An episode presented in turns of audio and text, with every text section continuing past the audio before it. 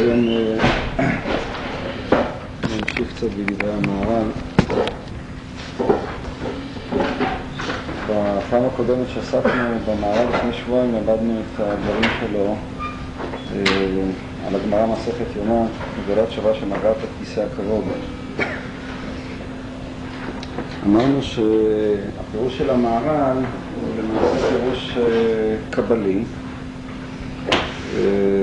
והבחנה שלו, הפירוש שלו לדברי הגמרא שתשובת הפרט היחיד מגיעה עד כיסא הכבוד שפירושו בקבלה עולם הכיסא, ספירת הבינה שהיא המקור ש... שממנו הנשמה נחצבת, יוצאת.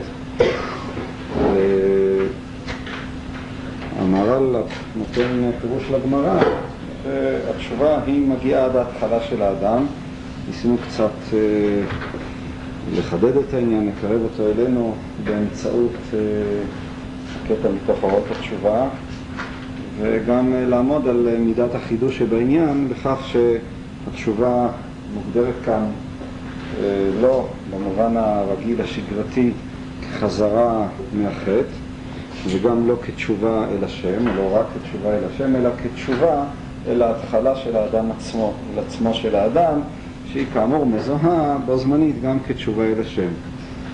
אבל, אמר מהר"ל, ישנה עוד תשובה גבוהה יותר, שהיא מגיעה עד השם ועד בכלל.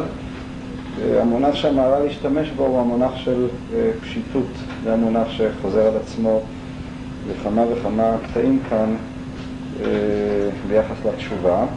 אמרנו שכוונת המהר"ל שהתשובה הזאת מגיעה עד ספירה יותר גבוהה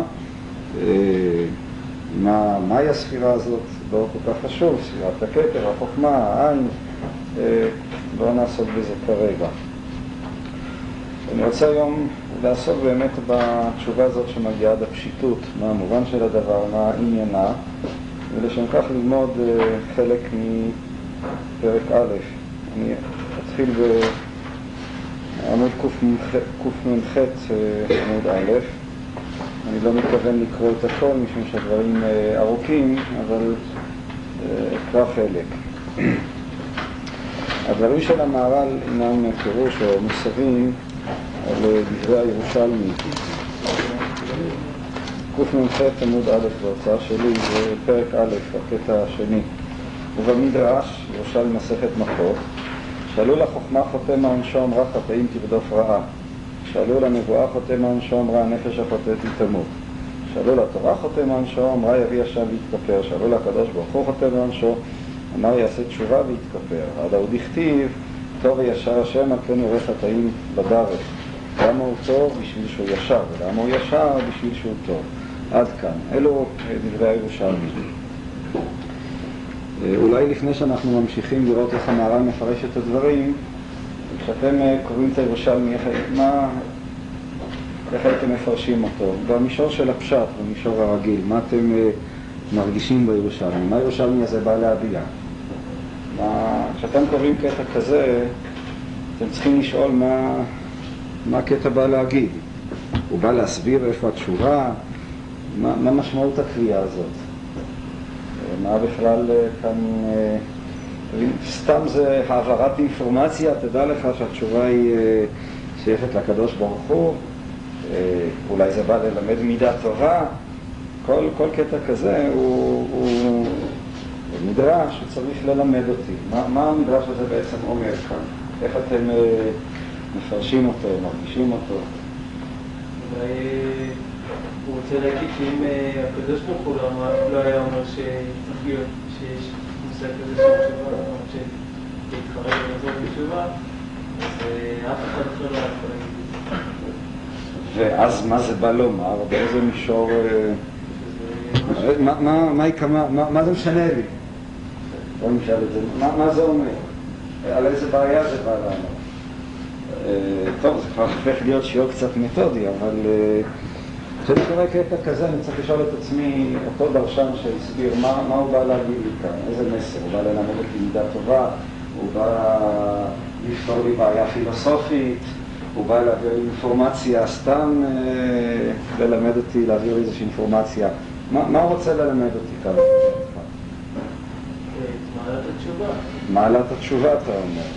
כלומר, התשובה היא חשובה, משום שהיא למעשה אה, משתייכת לקדוש ברוך הוא. אתם מסכימים איתו? זה מה שאתם מרגישים בקטע הזה? אני מסכים, אז שמעתי, כלומר בלשון יותר פשטנית, הקטע הזה בא ללמד אותנו מוסר, בלשון אחרת, להראות כמה זה דבר חשוב ונשגב לעשות תשובה, שהרי התשובה היא נמצאת בסולם ההיררכיה במקום הגבוה ביותר, היינו הקדוש ברוך הוא, ככה אתה מפרש את ה... את הירושלמי. לא, אני שואל, אני לא, לא בא לנגח ולא לקנטר, אני פשוט... לא, לא בדיוק, אף אחד אחר. מה? מה אתה אומר? יותר עוזרים לנגח חסידית, אפשר סתם. טוב, אני... יש לי תפקיד אחד, זה פשוט אה, קצת אה, לעורר את האנשים, זה הכל. לא, לעורר אותם במובן של... אה, אני חושב שאחד הפספוסים שלנו בחז"ל, שאנחנו קוראים את זה כבר באופן שגרתי, ובעצם בחז"ל יש הרבה יותר מתחים, הרבה יותר רדיקליים. במובן מסוים, חז"ל יכולים לדבר עלינו הרבה יותר מאשר ספרות מאוחרת יותר. אני מרגיש שחז"ל הם הרבה יותר קרובים אלינו במובנים רבים מאשר למשל הראשונים הפילוסופיים או משהו כזה, אבל זאת אה, הערת אגב. בבקשה, אז אתה רוצה עכשיו אה, לתקן את עצמך. העניין כאן אולי זה שאין שום היגיון שיהיה דבר כזה שקוראים לו תשובה. זה, זה כל אחד... אתה אומר שאין בזה שום היגיון, באיפה אתה... אין שום היגיון לא תורני ולא לא, לא הגיוני ולא תורני. בגלל שבן אדם שקלקל, אז עיקרון לא יכול לתקן. ומאיפה אתה אומר את זה? כלומר, כשאני שואל מאיפה אתה אומר את זה... לא, אני לא שואל על מה אתה נשאל בטקסט, אלא מאיפה אתה... למשל, אני אציב עוד אלטרנטיבה, פירוש לדבריך. אני יכול אבל לומר שיש כאן דיון בשאלה הפילוסופית שהתחרטו בפילוסופים מבפנים ומבחוץ, איך אפשר לתקן את העבר, איך אפשר שתהיה תשובה. אז האם הקטע הזה לפי דעתכם בא לענות על השאלה הפילוסופית הזאת? זה קטע בפילוסופיה? כלומר, זה בא לומר שאין היגיון, כפי שאתה אמרת, בתשובה, אלא התשובה היא, היא, היא, היא, לא, היא לא דבר הגיוני, כשהדיון שנמצא פה לפני חז"ל הוא דיון פילוסופי, שאלה פילוסופית, איך אפשר לתקן את העבר, איך אפשר לכפר או להימנע מעונש. זה כבר תשובה אחרת. קודם היית דיברת כבעל מוסר. תשמע, התשובה היא דבר חשוב, שהרי וכולי וכולי. עכשיו אתה מדבר כבר כפילוסוף. מה מהותה של התשובה ואיך התשובה מתקנת, והתשובה, התשובה, התשובה שזה, ככה אתה תופס את זה, מכאן אתה מבין את זה. אני, אני אמרתי, אני לא בא לקנטר, אני בא פשוט להבין, להגדיר לעצמי, בבקשה. יש כמה אמיתות בעולם, כמה ראיות, הסתכלויות שונות, אפשר להסתכל עם זוויות שונות, ובאמת יש, ולא יכולים להגיד שאף אחד מהם היא לא אמת, אלא יש, כולם אמת, החוכמה היא אמת, הנבואה אמת, התורה היא אמת, הקדוש ברוך הוא אמת. ובכל זאת, מכל הסתכלות, מכל הסתכלות שונה, הפתרון לבעיה הזאת יצא שונה. ורק הסתכלות של העליונה מכולם, של הקדוש ברוך הוא בעצמו, אז הוא אומר לבן אדם לעשות תשובה, ויותר מזה, להתכפר, זה הכי חשוב שיש כאן, זה באמת מתכפר אם אתה, אם אתה, עושה את זה. זה, זה, זה מוקד החידוש שיש כאן. אז מוקד החידוש הוא שאפשר לכפר על החטא, זאת, זאת הכוונה, והבעיה, או למה הייתי חושב שלא, זה בגלל איזושהי בעיה פילוסופית. לא בדיוק בעיה פילוסופית, אני... אני מתאר מדבריך דבר שמושך מאוד את ליבי, איזה מין גישה רלטיביסטית, אומרת, יש פרספקטיבות שונות, והתשובה היא נמצאת בפרספקטיבה העליונה, האלוקית. זה מה שאתה אומר. זה חשוד בעיניי בגלל שזה נורא מודרני, אתה מבין, אבל מצד שני זה מושך את ליבי. לא, התשובה נמצאת בכל הפרספקטיבות, אבל... היא לא נמצאת בכל הפרספקטיבות, זה שלא. החוכמה ודאי לא נמצאת וגם לא אצל הנבואה. אפשר לפנות אליהם. השאלה מה התוצאה שתצא מזה. אתה יכול לעשות תשובה, לפנות אל החוכמה בתשובה. השאלה מה החוכמה תחזיר לך. כל אחד יגיד בצורה אחרת. אוקיי, אז אם תחזיר לך אין דבר כזה. חטאת עכשיו תאכל אותה, כמו שאומרים אצלנו. מה החוכמה אומרת, חטאים תרדפה. הייתי תוקף את זה בנקודה אחרת. מה העוקץ שיש כאן בעניין? יש כאן בכלל איזה עוקץ, או שזאת אמירה אה, תמימה, פשוטה? יש כאן חידוש? בבקשה. זה לא שיש פרספקטיבות שונות, אלא כל הפרספקטיבות אומרות שאין תשובה. כן. אין כזה דבר תשובה, והתשובה היא חריגה בעצם מהמציאות של כל ה... כל המציאות של החיים שלנו. אה, כן, זה, זה אני מסכים, אבל עדיין אני שואל את עצמי באיזה מישור זה נאמר, מתוך מה זה נאמר. אני יכול לראות את עצמי, לא יודע, אולי זה לא חשוב כל כך כרגע, זה חשוב אה, ללמוד איך ללמוד, זה שיעור, אה, זה מתודה יותר, אבל לא יודע אם זה מעניין אתכם כרגע. טוב, אה, בכל זאת נגררנו בזה. אני יכול לומר דברים כאלה בכל מיני צורות. אני יכול לומר אותם כפילוסוף, שדן בשאלה הפילוסופית, אני יכול לדון בהם אה, באופן שונה, עדיין לא הוצג. אז באיזה אופן חז"ל דנו בשאלה? האם מה שהניע אותם זה בעצם אותה שאלה, איך ייתכן לתקן את העבר, שאלה שפילוסופים אה, דנו בה, ורובם גם באמת טענו שאין דבר כזה תשובה. זאת אומרת, אה, הרי הדעה הרגילה שלה בפילוסופיה, שתשובה זה, זה פשוט אה, איזו אשליה אנושית, אין דבר כזה. זה מה שחז"ל כאן באים לומר, וזה אז באים לומר לא, זה שייך לאיזו חוקיות אה, בקדוש ברוך הוא. מאיפה אומרים את האמירה הזאת? אבל אני חוזר שוב, מה העוקץ כאן, לפי דעתכם? טוב וישר. טוב, וישר אתה אומר. אני לא, תשימו לב, אני לא חולק עליכם, אני רק רוצה פשוט אה, להגדיר את הדברים, בבקשה. אני לא חושב שיש לנו ויכוח על המציאות של התשובה, הבעיה זה המוסריות. התשובה היא פשוט לא מוסרית, ואני כל מי שמתחת לקדוש ברוך הוא חושב שהתשובה היא לא מוסרית. כלומר, אז, אז לפי דעתך זה בא לחדד כאן, להתגבר על הבעיה המוסרית, לא על הבעיה הפילוסופית, אלא יש כאן, מה זה, זה לא בסדר, מה פתאום, איך אתה עושה דבר כזה, והתשובה, זה נמצא אצל הקדוש ברוך הוא, ככה אתה טועם את זה. ככה אתה אומר. זה, דבר שפירוש שוודאי מושך את אלוהי. אני הייתי מציע משהו אחר. הייתי אומר שיש כאן משהו, אה, בכל זאת הוא נראה לי הרבה יותר קרוב לרוחם של חז"ל, שלא נצטיירו בעיניי כפילוסופים, ואם הייתה להם בעיה עם התשובה, אז ודאי שזה יותר, אם, אם זאת היא הבעיה, אז זה ודאי יותר שאלה מוסרית.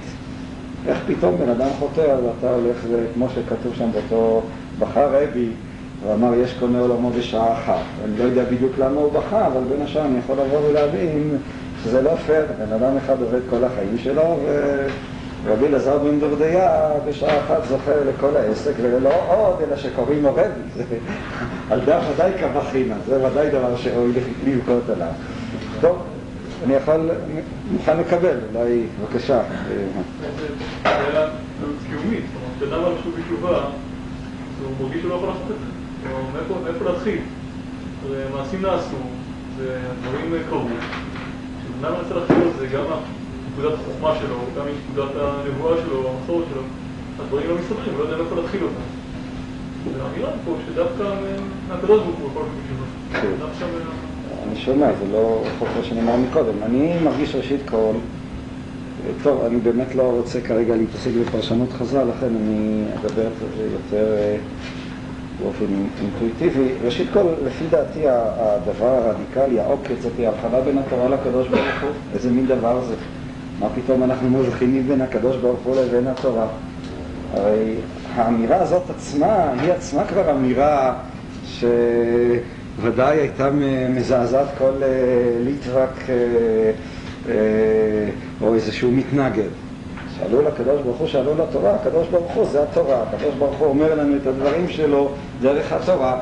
עצם ההבחנה הזאת, שאלו לתורה והתורה לא מכירה את המושג של התשובה, אבל יש איזושהי אינסטנציה יותר גבוהה, שזה שעלו לקדוש ברוך הוא, זה עצמו, ההבחנה הזאת עצמה היא ודאי הבחנה שיש איתו, שיש בה עוקץ רב, ולא רק עוקץ רב, אלא אפילו מחאה במובן מסוים. כלומר, מה? לא תורה כפשוטה. למה זה לא תורה כפשוטה? תשובה כן כתובה בתורה, סתם קושייה. בסדר, אז יש אין לך קושייה, אוקיי. תורה כאן מייצגת איזשהו עולם מסוים, כמו שניסו להציג אותו, עולם של מוסר, של שכר ועונש. זה לא, אין הכוונה תורה כמו שהיא כתובה. א', זה לא עולם של מוסר. עולם- מוסרי, שכר להתכפר, ועונש. זה לא שייך לעולם המוסר. יביא עכשיו להתכפר, זה ודאי לא שייך. אם משהו שייך כאן לעולם המוסר, זאת הנבואה. שעלו לתורה זה לא שייך לעולם המוסר. מתכוון, ודאי אה, כולכם מכירים את הוורט החסידי הידוע שהמתנגד מפחד מהשולחן ערוך והחסיד מפחד מהקדוש ברוך הוא. אז במובן מסוים, מה שלפחות, אני אומר שוב, אני לא בא כרגע להוכיח את דבריי, ו, ו, אבל אני אומר באופן אה, אינטואיטיבי, מה שאני טוען כאן במדרש הזה, זה בעצם קביעה שאומרת שהתשובה היא פורצת גם את המעגל של התורה. זאת אומרת, יש לו לבעל התשובה איזשהו אה, קשר, דבקות בלתי אמצעית עם הקדוש ברוך הוא, דבקות שאין אותה לבעל התורה או לתלמיד החכם, או בלשון אחרת, התשובה היא פריצה של הקטגוריות הרגילות, של הנורמות הרגילות. יש כאן את הקדוש ברוך הוא בסופו של חשבון, במובן החריף ביותר והבלתי אמצעי ביותר והגבוה ביותר של התשובה, אתה לא מוצא גם לא בתורה. וזה ודאי אה, צד, אה, גם דבר שיש בו עוקץ מרובה מאוד ביחס לתשובה. זה בא להציג את התשובה, כמו שאמרתי, כפריצה של כל, של נורמה וקטגוריה. זה ללא ספק בא גם לאפיין את אה, בעל התשובה באיזשהו אופי מסוים. השאלות אם הצדיק עדיף או בעל התשובה עדיף, זאת איננה שאלה פילוסופית ספולסטית, זו שאלה מי יותר קרוב לקדוש ברוך הוא, התלמיד חכם או בעל התשובה, אותו היפי שיום אחד החליט לעשות תשובה עדיין שערותיו ארוכות והקליפה שלו קצת מצחיקה, אבל בכל זאת אולי הוא יותר קרוב לקדוש ברוך הוא מאשר אותו תלמיד חכם ובן ישיבה. זה ודאי, אני חושב, לפחות לפי הרגשתי, הנקודה שיש כאן. כלומר, התשובה יש בה משהו בלתי אמצעי, ישיר, משהו שפורץ את הנורמות, את הרגילות, את הקטגוריות, את התפיסות. זה, זהו אופיו של בעל התשובה, וזו גם כפרתו. התשובה היא לא נמצאת אלא באותו מקום שאתה פונה ישירות אל הקדוש ברוך הוא. נמצא לפניו, פונה אליו. ולא דרך אה, אה, מערכות או מסגרות אה, שבעצם היותן מסגרות הן לא מסוגלות לתפוס את העניין הזה של התשובה. חז"ל לא אומרים שלפנות לקדוש ברוך הוא, אומרים שהקדוש ברוך הוא, הוא הקים מנגנון מקביל, אבל אה, אין פה דווקא קשר ישיר עם הקדוש ברוך הוא. אני לא חושב שעלו לקדוש ברוך הוא זה אומר שאין מנגנון, זה אומר ש... ויתכפר. כן, זאת אומרת, מה פירוש הדבר? יביא אשם ש- ויתכפר. ש- יביא אשם להתכפר זאתי התורה. אבל ברגע שאתה מייחס את, ה, את התשובה למשהו שאיננו אה, אה, שייך לתורה, אלא לפנייה ישירה לקדוש ברוך הוא, רק הקדוש ברוך הוא הוא זה שיכול אה, לכפר בתשובה. זה אומר בעצם שכמו שאמרתי, זה ודאי מציין איזושהי בלתי אמצעיות, איזושהי דבקות ישירה, שהיא המקום של התשובה והיא המאפיינת את בעל התשובה. אה, אולי כדי לתת עוד איזושהי המחשה לעניין, יש את ה... שוב, מתוך החסידות, החסידות הרי מאוד אה, פיתחה את הנקודה הזאת, כן? החסידות, בכל המושג של הדבקות שלה וכן הלאה, היא אה, באמת דיברה על דבקות בלתי אמצעית, ישירה, אינטימית עם הקדוש ברוך הוא, ובשמה הרבה פעמים הם באמת ניגחו את המתנגדים, את תלמידי החכמים, שהם אמנם, כן, אה, גדולים בתורה, אבל הם מאבדים הרבה פעמים אה, את הקשר הישיר עם הקדוש ברוך הוא. אני חושב שגם מאמר חז"ל כמו אה, מפני מה תלמידי חכמים אינם מצויים שיצאו מהם תלמידי חכמים מפני שלא בירכו בתורה תחילה אה, והמאמר המקביל על מה עבדה הארץ הוא גם כן בא לציין את הדבר הזה, וזה הפירוש הרגיל, כלומר יש איזשהו תלמיד חכם מקצועי, מיומן מאוד, יודע ככה לפלפל אה, ו- וכן הלאה וכן הלאה, אבל בסופו של חשבון הוא עלול אה, לשכוח את העיקר, שזה הקדוש ברוך הוא. והברכה בתורה תחילה, כפי שהמהר"ל עצמו מסביר, היא למעשה מציינת את אה, הזיקה ש... שיש אה, לתורה ולאדם שלומד תורה עם הקדוש ברוך הוא, זיקה שדווקא תלמיד חכם הרבה פעמים עלול אה, איכשהו לאבד אותה. זה לכאורה הפשט בירושלמי. שאלו לקדוש ברוך הוא זאת פנייה ישירה. מה שמעניין כאן בהסבר של המהר"ל,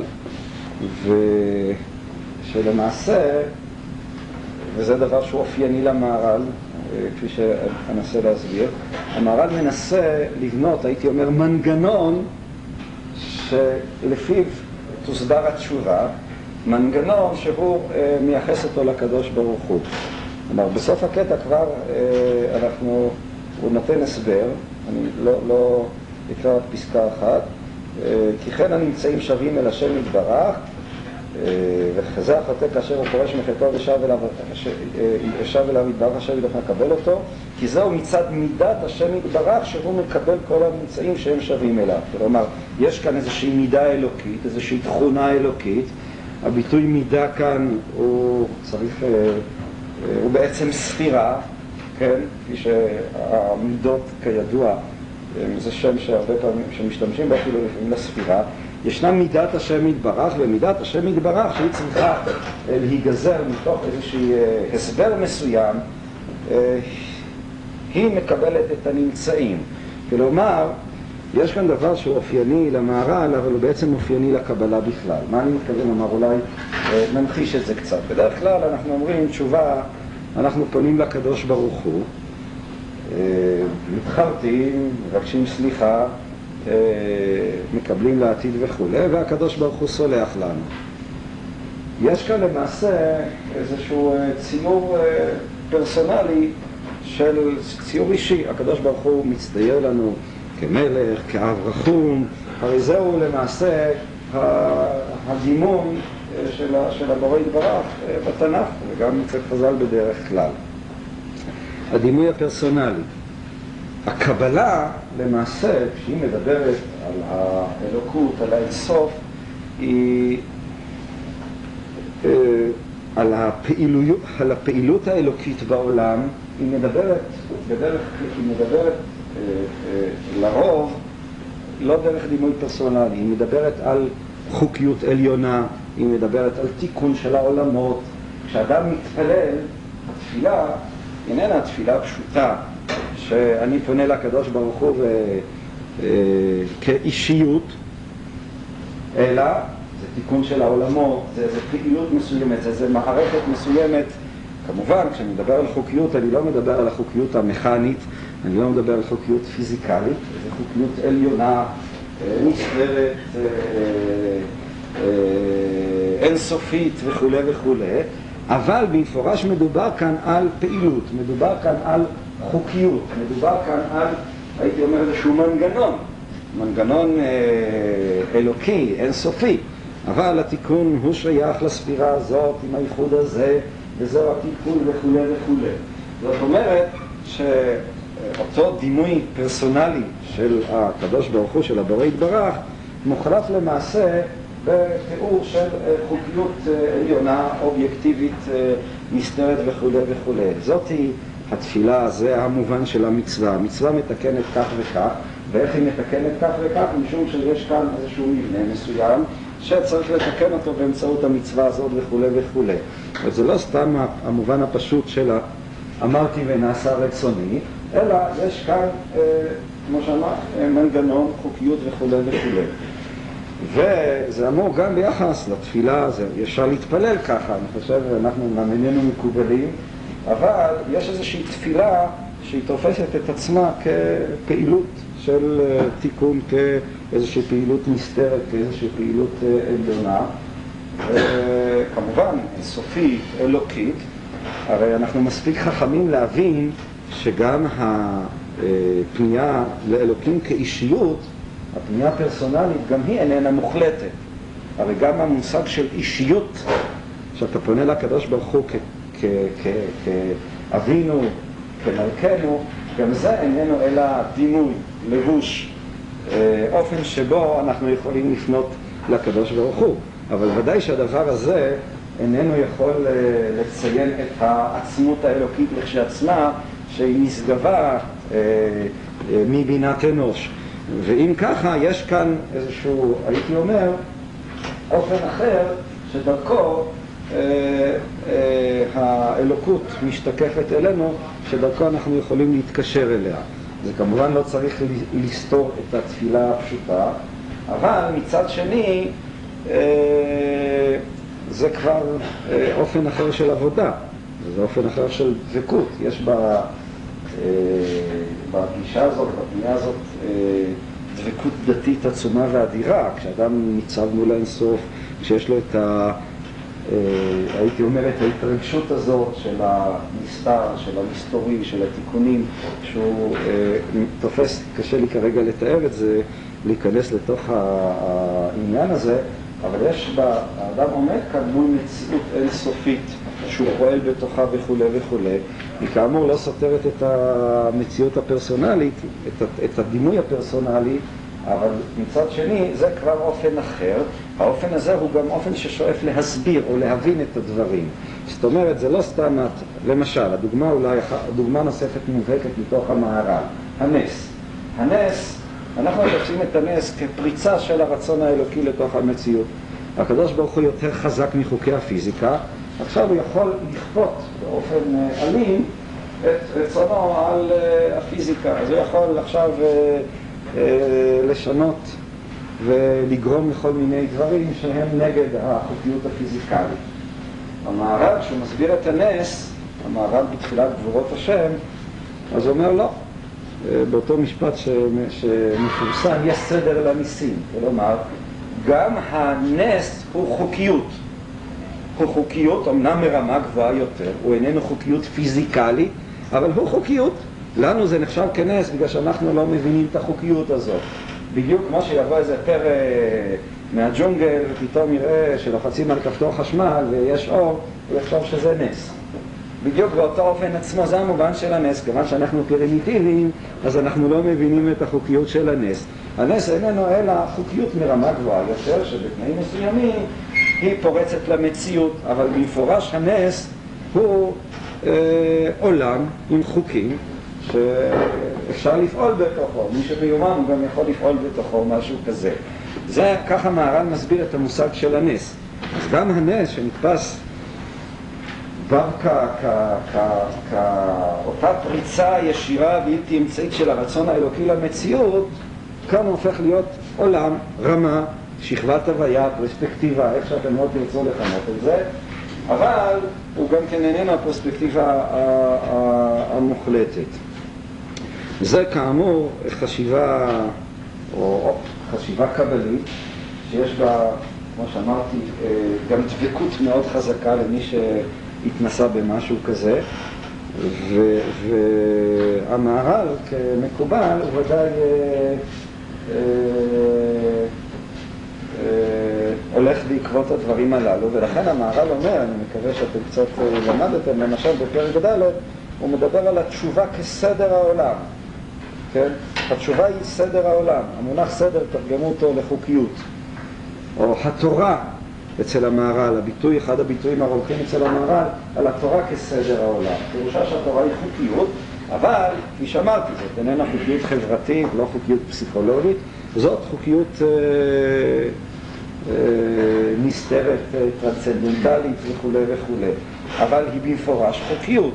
היא איננה גזרות, ציוויים, אלא היא ה... היא מערכת של חוקים, ובתור שכזו אולי גם ניתנת להבנה למי שאומנם, לא אולי, אלא היא שואפת להבנה, יש כאן עניין של הבנה. כשאתה מדבר על חוקים, אתה יכול לשאול את עצמך איך הדבר פועל, למה הוא פועל, וזהו המאמץ שהמהר"ל עושה כאן ביחס לתשובה.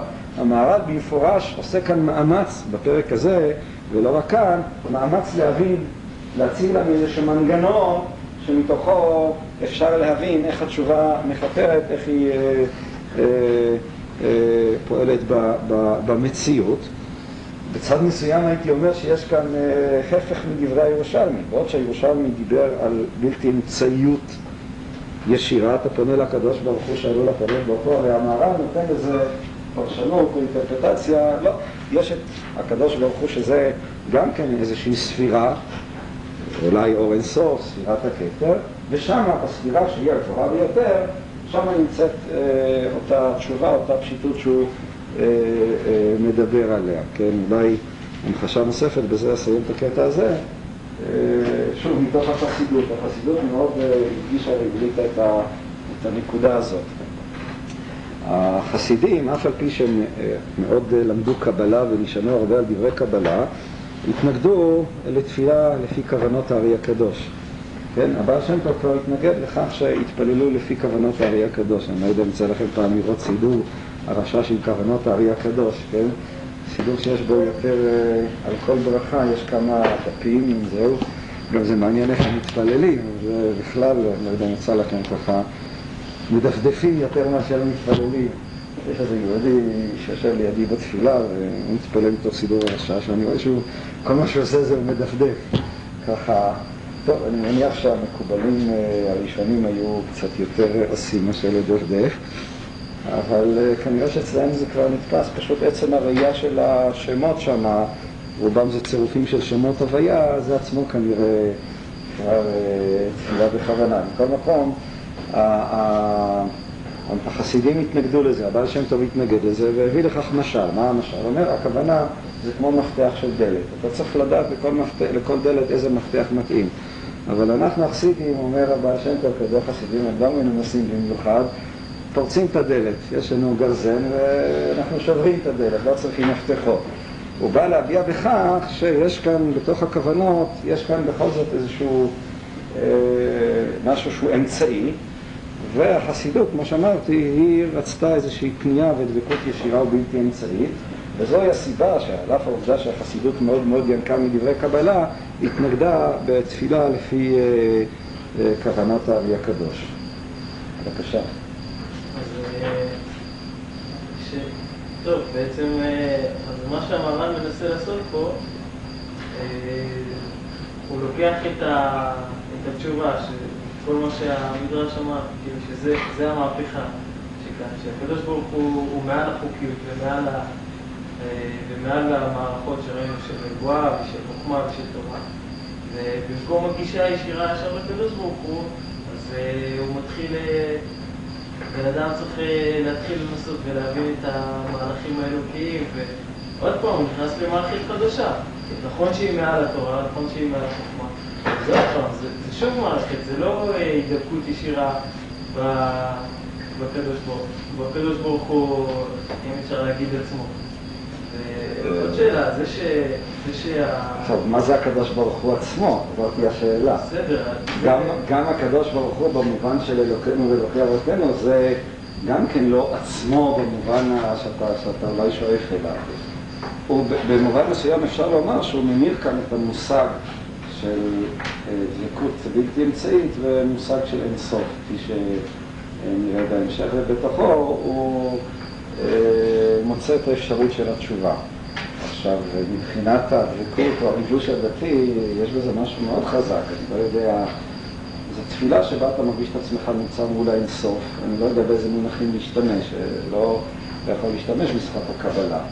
ובעצם אתה רואה את ישותך כיצור זמני מול הנצח, מול האלוקים, מול האינסופי, פועל בתוכו, בתוך איזה שהם עולמות מסתוריים שאתה אינך יודע, כן, המקובל מתיימר לדעת מה טבעם. אנחנו לא, אבל יש בזה משהו מאוד חזק, מאוד עצום ומאוד אינסופי בתוך הסוג הזה של התפילה. עכשיו, אני לא יודע באיזה נקודה אתה מתח את הביקורת שלך. אם הביקורת שלך מכוונת כלפי זה שהפירוש של המהר"ל איננו הפירוש, ה... איננו כוונת הירושלמי עצמו, וזה אופן אחד, ואני מסכים לזה, יש כאן אינטרפטציה, זה לגיטימי לחלוטין בדברים של הירושלמי. זה לא מפריע לי, מפריע לי שמתוך כוונת הירושלמי, לפי איך שראינו את זה, זה בדיוק הפוך. זה הביקורת של, החסידים בעצם נגד המתקדמים. כלומר, שבסופו של חשבון, עדיין, כמה שאתה תגביה את ההסבר שלך ותעלה לעולמות יותר עליונים, עדיין, הרי יש המון סיפורים, כן? דווקא התפילה של היהודי הפשוט, שהיא התפילה העדיפה, התפילה התמימה, והרבא שמוכן לוותר על כל ההשגות שלו רק בשביל להתפלל כמו אה, אה, יהודי פשוט, כן? זה נובע מאותו דבר, שבתמימות הזאת, יש משהו שאין אותה אצל כל ההשגות הגבוהות העליונות וכו' וכו'. אז אם זאת היא הביקורת שלך, טוב, אני אומר, כמו כל ביקורת, יש אה, פנים לכאן ופנים לכאן, ואני גם לא חושב שיש לדברים האלה הלכות. כל אחד יש לו את הפתח שלו לקדוש ברוך הוא ואת האופן שבו הוא יכול אה, להתקשר אליו ולהתפלל, אה, ולהתפלל אליו. אם כן, הפירוש של המהר"ל, כלומר, הוא באמת בנוי על סטריקטורה קבלית, כשבחוכמה, בנבואה, בתורה ובקדוש ברוך הוא, בכל אחד מהם הוא למעשה רואה עולם, מערכת של חוקיות, אה, והוא גם מסביר אה, למה בכל מערכת או מה טיבה של כל מערכת.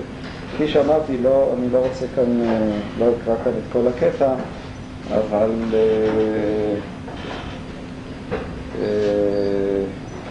נקרא אולי כמה, הוא חוזר על עצמו כדרכו. זה אחד הדברים, כן, המהר"ל הוא מאוד חוזר על עצמו, מאוד מעריך בלשונו. אני חושב שההסבר הוא, הוא אמר את זה פעם איזה רב אחד, אני כבר לא זוכר בדיוק מי זה היה, הוא אמר, למה המהר"ל מעריך כל כך? הרבה פעמים אתה רואה שהוא חוזר וחוזר ועוד פעם, אז הוא אמר, אני חושב שאני מאוד מרגיש שזה נכון, שהרעיונות של המהר"ל הרבה פעמים רעיונות מאוד עדינים, מאוד רוחניים, והמהר"ל בעצם לא הייתה לו שפה להביע אותם. זה דומה לנאמר איזה ראש ישיבה שרוצה להסביר סברה והוא מרגיש שהוא לא מצליח אז הוא מנסה עוד פעם להסביר, אולי הפעם הוא ימצא את, ה, את השפה הנכונה, הרבה פעמים אתה רואה את המאמץ שהוא כאילו מנסה כל פעם אה, להביע את, את, הנקודה, וחוזר עוד פעם ועוד פעם, עושה עוד קווץ' וזהו, ובסופו של חשבון הוא מרגיש שהוא לא הצליח להביע את זה. אה, זאת אומרת, באמת הייתה לו בעיה אובייקטיבית, גם הבעיה של השפה העברית וגם הבעיה של אה, מערכת המונחים. מערכת המונחים שהוא משתמש בה היא מערכת מונחים של הפילוסופים, והיא ודאי לא יכולה להכיל את הרעיונות שהמהר"ל רוצה להביע, ולכן הוא מאוד מתקשה, וזה גם הקושי בכלל להבין את המהר"ל, הקושי הוא כפול. הקושי הוא גם שהמערכת היא של מונחים פילוסופיים שצריך להבין אותם, אבל גם השימוש שהמהר"ל עושה בהם הוא שימוש פרטי, יש לו שפה פרטית. כשהוא מדבר על צורה וחומר, אל תחשוב שהוא מדבר על צורה וחומר של הרמב"ם. הוא מדבר על צורה וחומר, אה, זה כבר, הוא מתאים בדברים האלה דברים שהם הרבה מעבר למה שהפילוסופים אה, הבינו. והקושי באמת במהר"ל הוא בין השאר הקושי של אה, להבין את ה... את השפה שלו ולדעת למנח אותה בשפה אולי מודרנית. אם כן, המהר"ל מדבר כאן על ארבע דרגות, חוכמה, נבואה, תורה, הקדוש ברוך הוא, ונראה איך הוא מסביר את הדברים. אולי נפתח בשניים הראשונים. אני, אני לא אקרא את כל אריכות לשונו, אני אקרא קמ"ט אה, בעמודה השנייה, ברבע האחרון של העמוד. אבל אם יש איזה שהן הערות, תגובות, אני פשוט, אה, יש לי אה, ציפיות לשמוע גם משהו, אני לא, לא, לא יודע אם הדברים מובנים או לא מובנים, אם אומרים משהו או לא אומרים משהו, אז אם מישהו רוצה להעיר, אז בבקשה. אבל יש בזה חוכמה מאוד. כלומר, בכל המהלך הזה, אומר המהר"ל, יש חוכמה מאוד. שהחוכמה אומרת חטאים תרדוף רעה, רמזו כאן עניין בעל התשובה, וזה כי מצד החוכמה, כאשר יחטא האדם, מצד, תתרגמו מבחינת החוכמה, במישור של החוכמה, או מהפרספקטיבה של החוכמה, זה התרגום המדויק. מהפרספקטיבה של החוכמה, כאשר יחטא האדם, אין ספק כי דבר זה הוא רע מצד החוכמה, לכך אומרת חטאים תרדוף רע, כי החטא בעצמו הוא חיסרון, כמו שכתוב לשון חטא, כמו אנוכי החטאנה, והיה אני ובני שלמה חטאים, וכל חיסרון הוא הרע, ומפני שהרע נמשך אחר דבר שהוא חסר, אומרת החוכמה חטאים תרדוף רעה. אבל הנבואה, נקרא גם על הנבואה, שהיא למעלה מן החוכמה, היא גוזרת דין על החוטא. כי הנבואה היא במידת הדין, ודין החוטא הוא המיתה. וזה משפט החוטא, בוודאי שהשם יתברך גוזר עליו המיתה. ולפיכך החוכמה אמרה חטאים תרדוף רעה. כבר תשימו לב מה, מה המהר"ל עושה כאן. המהר"ל רוצה לגזור את התשובה של החוכמה מעצם המושג של החוכמה. זאת אומרת, במדרש היית יכול לבוא ולומר, שאלו לחוכמה והביאו פסוק, כן? שאלו לנבואה והביאו אה, אה, פסוק מהנביאים, כן? שאלו לחוכמה אז הביאו פסוק מהכתובים, כן? הכתובים זה ספרות החוכמה, ושאלו לנבואה אז הביאו פסוק מה, מהנביאים, שאלו לתורה הביאו פסוק מהתורה. כך היה אפשר לפרש את הירושלמי אה, כפשוטו. כלומר, יש כאן עניין מקרי, כן? עניין אה, לא הכרחי. הביאו פסוק, איפה הפסוק הזה חטאים תרדוף רע? אני כבר לא זוכר, במשלי. מי שזוכר, יש כאן איזה פנחיזם, מה? אפשר לבדוק בסוף. חטאים תרדוף רע זה פסוק מתוך הכתובים. אה, אני מניח שבמשלי, זה מתאים במשלי.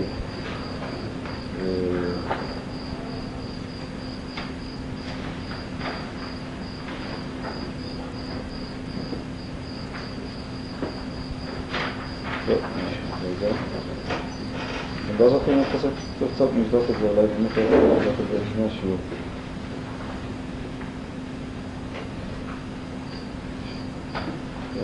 לא מופיע כאן משום. בכל אופן, כן, וזה פסוק מהנביאים, הנפש החוטאת היא תמות, וכן, לא יודע, באמת לא מצטטים כאן כל הפסוקים במפתחות בסוף. זה פסוק מיחזקאל, ופסוק מהתורה, והקדוש ברוך הוא זה לא פסוק, התשובה היא לא פסוק. המהר"ל רוצה להסביר את הדברים באופן אימננטי. מה זה נקרא באופן אימננטי? להראות שהתשובה של החוכמה זה לא בגלל שחז"ל מצאו כך פסוק אה, בכתובים, אלא זה נגזר מתוך המושג של החוכמה. כנ"ל ביחס למושג של הנבואה. באיזשהו מקום החוקיות של העולם של הנבואה, מושגה של הנבואה מחייב שזאת תהיה התשובה של הנבואה. כנ"ל ביחס לתורה וכנ"ל ביחס לתשובה. זה בעצם מה שהוא רוצה להסביר בקטע שקראנו אותו. ומה הוא מסביר? אולי אה, תנסו אתם. למה החוכמה, מה, מהי החוכמה שהמהר"ל מדבר עליה כאן, ולמה החוכמה אומרת חטאים תרדוף רעה, ולעומת זאת מהי הנבואה שהמהר"ל מדבר עליה, ולמה הנבואה אומרת אה, הנפש החוטאת היא תמות. יש כאן הסבר, כמו שאמרתי, הסבר אימננטי. אימננטי פירושו שהדבר נגזר מתוך המושג שלו עצמו. זה לא מקרי שהחוכמה כך אומרת והנבואה כך אומרת, אלא יש כאן היגיון פנימי שזאת תהיה התשובה שלהם. למה הם אומרים את זה? למה זאת תהיה התשובה של, ה... של החוכמה וזאת תהיה התשובה של, של הנבואה? מה זאת תהיה החוכמה ולמה הנבואה? איך הייתם אה, מסבירים את זה? מה, מה אתם אומרים?